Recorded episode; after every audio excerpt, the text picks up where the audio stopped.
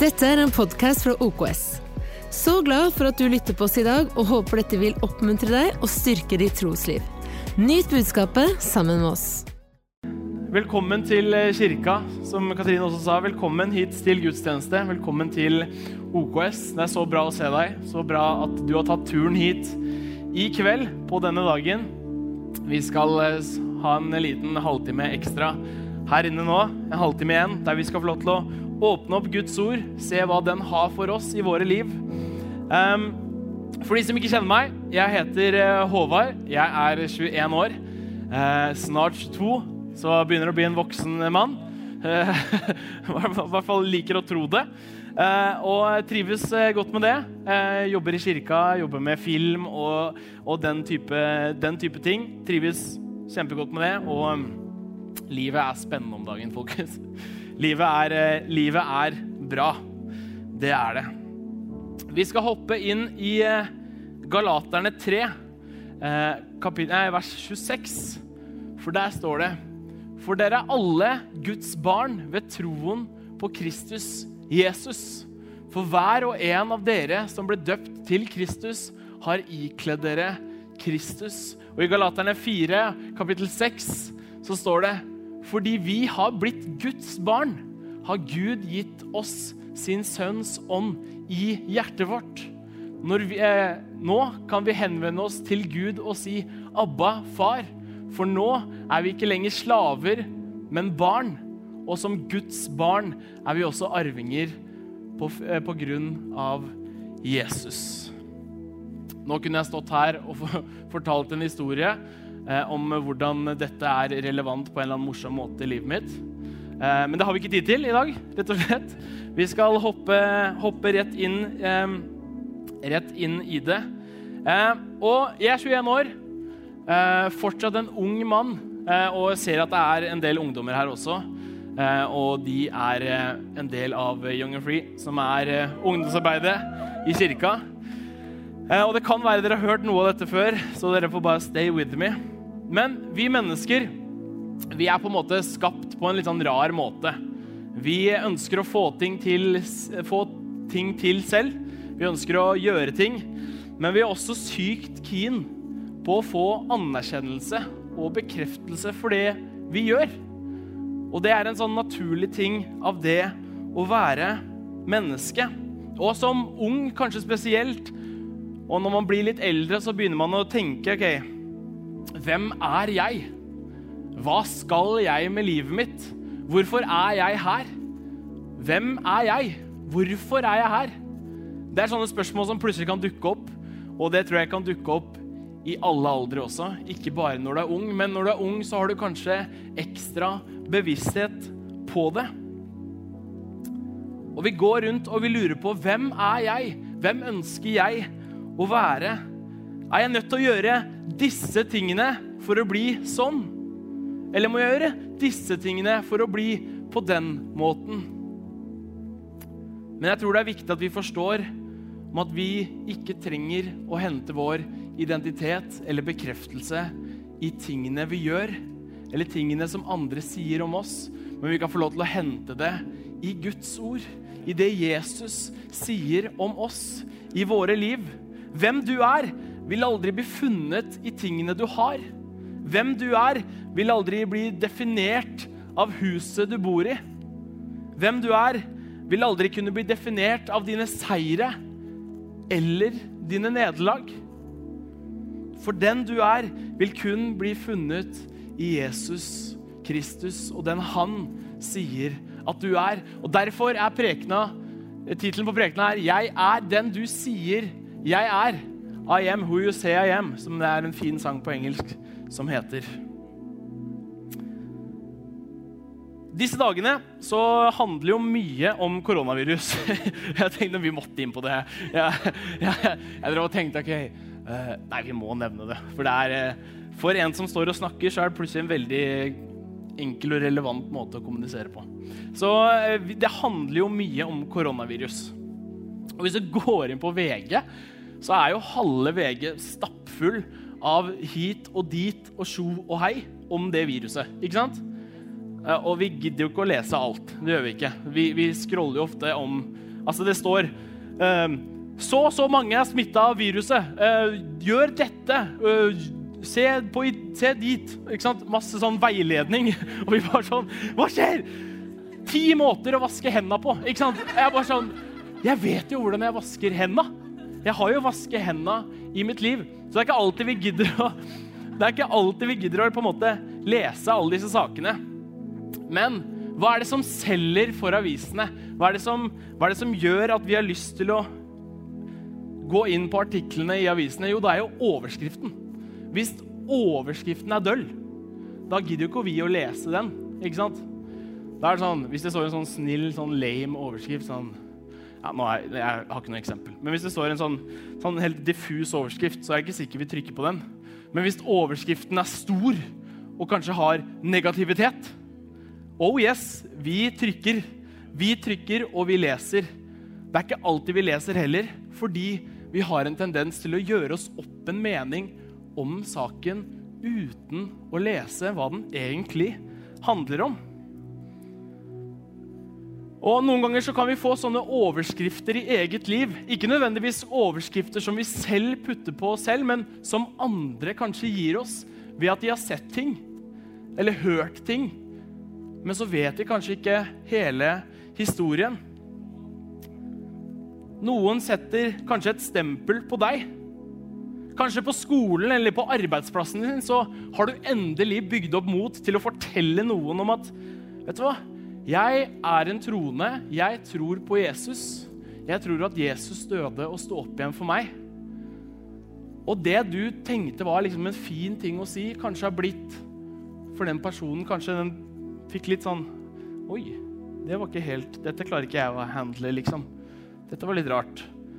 Så for, for han så blir du den religiøse. Du blir den troende.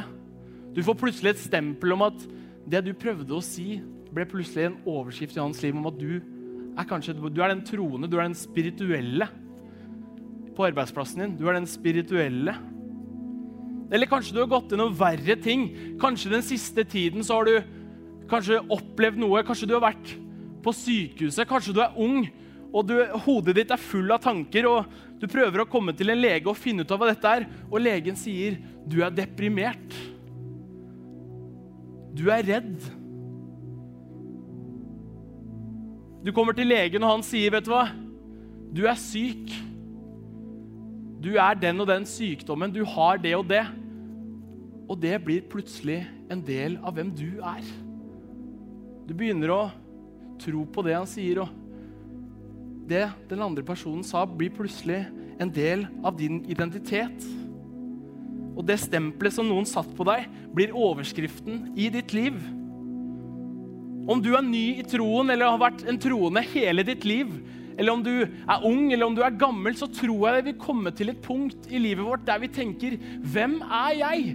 Hvorfor er jeg her? Hva gjør jeg her? Er jeg god nok? Hvem er jeg egentlig? Er jeg populær nok? Ser jeg bra nok ut? Er jeg nok? Da må vi vite at vi er nok for Gud sier at vi er nok. Han som har skapt deg, han som har pusta sitt liv inn i deg, sier at du er nok. Vi trenger ikke å streve for å finne bekreftelse hos andre mennesker, fordi vi har en far i himmelen som sier at vi er nok. Vi trenger ikke å gjøre hit og dit og gjøre masse greier for å bli bekrefta, men Gud sier vi er nok. Din identitet er ikke hva andre sier om deg, men det er hvem Gud sier at du er. I Markus 1,9 så skal Jesus han skal døpe seg. Eh, og Johannes skal døpe han, og det, de står sånn her. Så en dag kom Jesus selv fra Nasaret i Galilea og ble døpt av Johannes i Jordanelven. Idet Jesus kom opp av vannet, åpnet himmelen seg, og plutselig så de ånden kommer over ham i form av en due. I samme øyeblikk hørte de en stemme fra himmelen. Du er min sønn, som jeg elsker. Du er min stolthet og glede.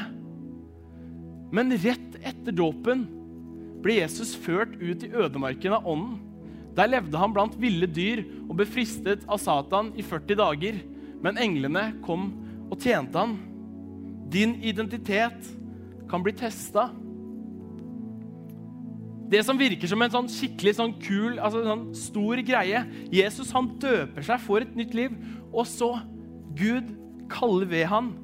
Gud sier, 'Du er min sønn, som jeg elsker. Du er min stolthet.' Gud setter hans stempel på Jesus. Men like etterpå så blir Jesus testa i ørkenen. Og fienden han tester ham på mange, mange måter. Og...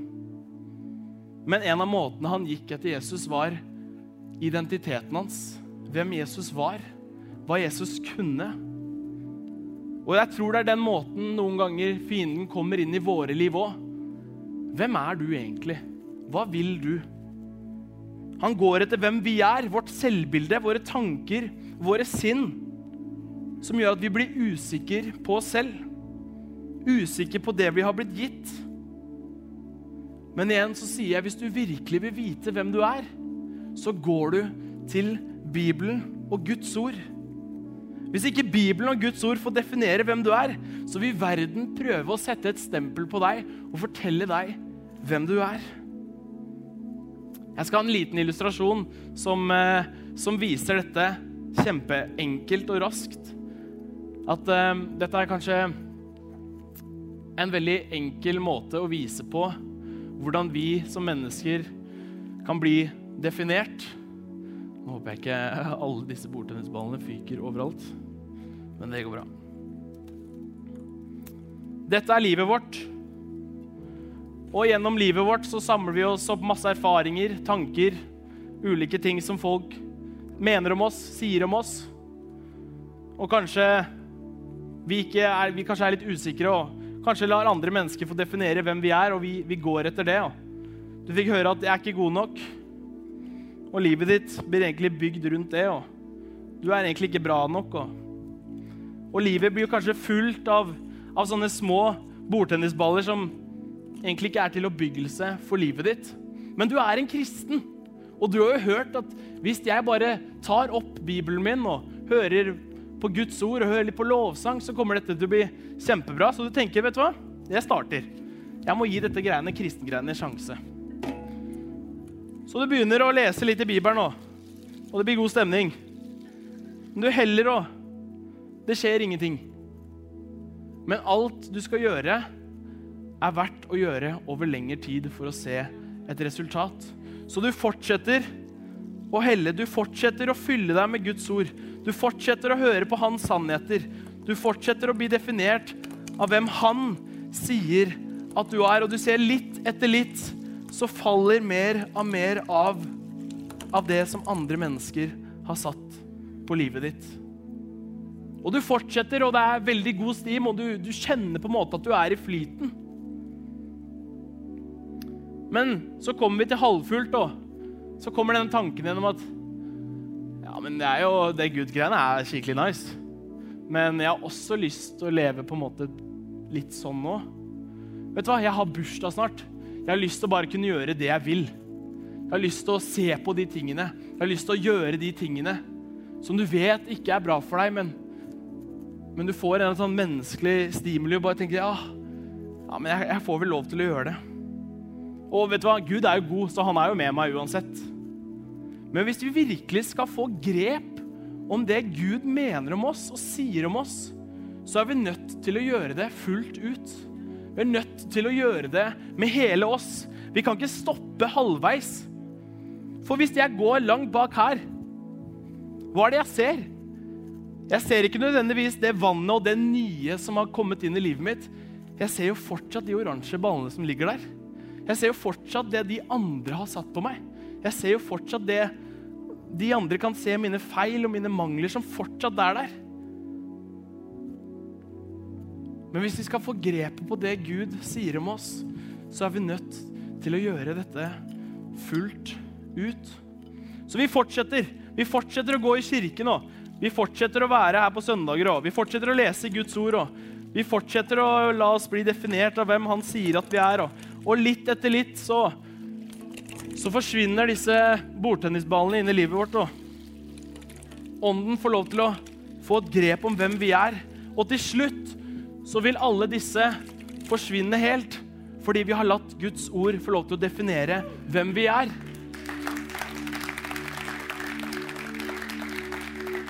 Men det viktigste er at når vi har blitt definert av Bibelen og Guds ord, når løgnene og usannhetene kommer tilbake i våre liv, så vil de ikke klare å slå rot. Fordi de vil bare bli på toppen. Fordi Guds ord er sterkere enn andres meninger. Guds ord er sterkere enn alle utfordringer. De vil ikke klare å slå rot i våre liv. Fordi Guds ord er et solid fundament.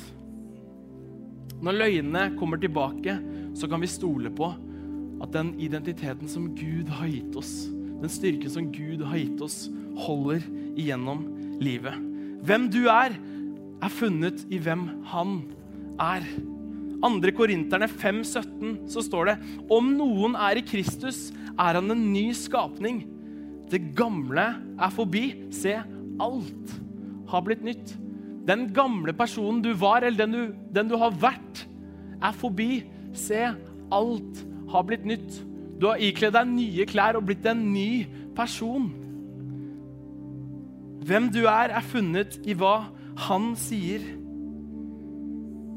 Jeg er så heldig å ha fått vokst opp med, med verdens beste foreldre òg. Over og Monica sitter her. De har virkelig vært eh, de beste foreldrene jeg kunne, kunne, hatt i mitt liv. Og det er ikke alltid jeg har vært like grei, men som regel så har jeg vært grei. Men Ja, nå, nå vet jeg at du sier 'hæ'. Du bare 'hæ'? Men det som er greia, er at gjennom min oppvekst og gjennom min barndom så har de lært meg ulike ting. Og de har sagt ulike ting over mitt liv.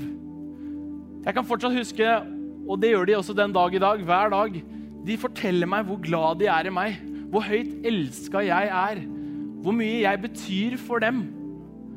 Og når jeg er tolv år, så går ikke jeg rundt og liksom bare, 'Mamma elsker meg, og jeg er glad i meg.' Jeg, liksom, jeg, går ikke rundt, jeg flyr ikke rundt og er glad for det, liksom. Men når jeg blir eldre, så kan jeg tenke wow, jeg har faktisk noen som er glad i meg. Jeg har noen foreldre som elsker meg. Og det å bli definert av verden og de som er rundt, er ikke noe nytt konsept. Det er ikke noe som plutselig dukka opp etter sosiale medier. Og plutselig så sleit vi med å finne ut hvem vi var. Dette har vært et problem nesten sikkert for alltid, men også på Bibelens tid. Det som skjedde på Bibelens tid, det var at din identitet var definert fra samfunnet du kom fra. Du tenker 'hæ, hva mener du?' Jo, vi kan jo lese i Bibelen, vi hører om Jesus fra Nasaret. Det er et eksempel. Hvis det skulle vært nå Håvard fra Strømmen. Ikke sant? Identiteten til menneskene var knytta til stedet de kom fra. Ikke sant? Det de hadde, var stedet de kom fra. Det var deres stolthet. Det var det de var for de andre menneskene. Det var det de var for menneskene i de andre byene. Men problemet var at om du ble syk eller fikk et problem, så ville du lenger ikke bli definert av hvor du kom fra, men du ville bli definert ut ifra din svakhet eller ditt problem. Du var ikke god nok for samfunnet, så du ble utstøtt fra samfunnet.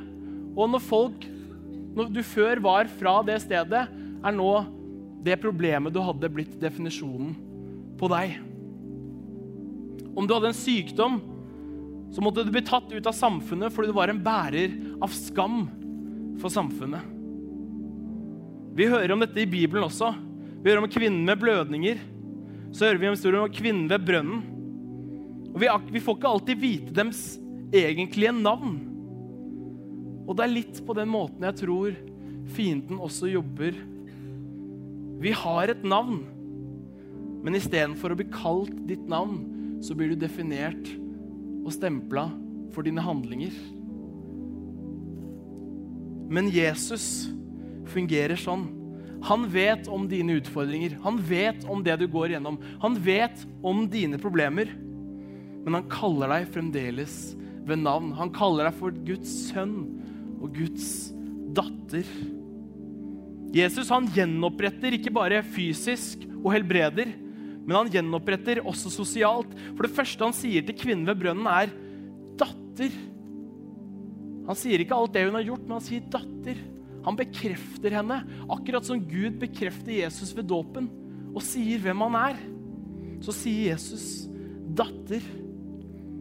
Noen av oss er kanskje nå Vi føler kanskje vi blir definert av det vi har gjort, eller våre problemer, eller kanskje sykdommen vi har, eller tingene vi står i. Men du er ikke definert av ditt problem. Du er ikke definert av synd. Fordi Jesus tok på seg all vår skyld, all vår skam og alt det vi hadde i våre liv. Det tok han og festa til korset og tok på seg. Og han døde, og han sto opp igjen for oss. Du har blitt kalt av Gud. Han har utvalgt deg. Kristus Jesus har identifisert seg som sin sønn og sin datter. Det finnes en frihet i Jesus. Og dette er Guds nåde. Når du og jeg skjønner hvem vi er i Jesus, istedenfor å bli definert hvem vi er av andre mennesker eller omstendigheter, men når vi skjønner hvem vi er i Jesus, vil det forandre vårt perspektiv. Paulus han skriver i Galaterbrevet om en frihet som vi har fått fra krist, som kristne. Vi er ikke lenger slaver, men vi er Guds barn. Før måtte vi følge Mose, Moseloven for å bli rettferdig. Vi måtte gjøre noen handlinger for å bli rettferdige. Men nå har vi fått Ånden, og Jesus han døde og sto opp igjen, slik at vi slipper å gjøre handlinger for å kunne bli rettferdige. Fordi vi er rettferdige ved at Jesus døde og sto opp igjen for vår skyld. Vi kan ikke la verden få definere hvem vi er, men vi lar Guds ord definere hvem vi er. Han kaller deg for ren. Han kaller deg for hellig. Han kaller deg for rettferdig. Hvem du er, er funnet i hvem han sier at du er. Du er ikke lenger bundet, for du er satt fri og er Guds barn. Du er elska og akseptert av han. Av han som har skapt deg. Og et ord som vi kanskje hører om mye på møter, er ordet nåde. Og du tenker kanskje du, kanskje du vet hva nåde er? Kanskje du ikke vet hva nåde er? Personlig så tok det lang tid før jeg skjønte hva konseptet nåde egentlig er. For det er så lett å bare sånn Ja, nåde. Det er kristent, og det tar jeg bare til meg nå. Og så, og så skjønner jeg det. Ikke sant? Det bare er en del av greia. Men, men jeg skjønner jo egentlig ikke hva det betyr. Hva betyr nåde? For mange tror at det å være kristen handler om å imponere Gud med handlinger og være flink og ikke gjøre dette og heller gjøre dette, og så kan jeg få en aksept fra Gud. Kanskje du ikke føler deg god nok. Kanskje du ikke føler at du strekker til på noen områder i livet ditt. Kanskje du har prøvd å bli bedre på et område i ditt eget liv, men igjen og igjen og igjen så faller du tilbake i samme grøft og havner på start og tenker Jeg får ikke dette til. Jeg er ikke god nok. Jeg er ikke sterk nok. Men Gud har aldri sagt at du må være god nok. Du trenger ikke å strekke til. Du trenger ikke å prøve å være god nok. For Gud er god nok for alle mennesker. Hans nåde er nok for deg. Men hva er nåde, da? Det høres så kult ut, men hva er nåde? Nåde kommer fra det greske ordet gratia, som betyr gratis. Nåde kan ikke kjøpes for penger, den kan ikke fortjenes. Og den er og forblir alltid gratis. Nåden er at Jesus betalte prisen en gang for alle. Tok på seg verdens synd, tok på seg din og min synd. Jesus hadde aldri gjort noe galt, og Jesus hadde aldri synda mens han var på jorda. Men han betalte prisen en gang for alle. Nåden er Guds gave til oss mennesker. Og det eneste vi trenger for å få nåde, er å ta imot Jesus. Ta imot det han har for oss. Når vi før måtte gjøre handlinger, så handler det nå om at vi bare må tro og ta imot det han har for oss. Det er en gratis gavepakke som Jesus stelte i stand. Det å motta Guds nåde og bli rettferdig, som vi ofte hører om, er ikke en godkjennelse til å bare kunne gjøre hva du vil. Ja, men Jeg kan bare gjøre hva jeg vil, for Gud er med meg, Guds nåde er med meg. Så det her fikser seg uansett. Og det er noe, det er ikke en godkjennelse for å på en måte synde videre, hvis vi skal tenke på det sånn. Men det å være rettferdig er en godkjennelse til å alltid kunne komme tilbake hjem til Han som har skapt seg, skapt deg, i sitt bilde.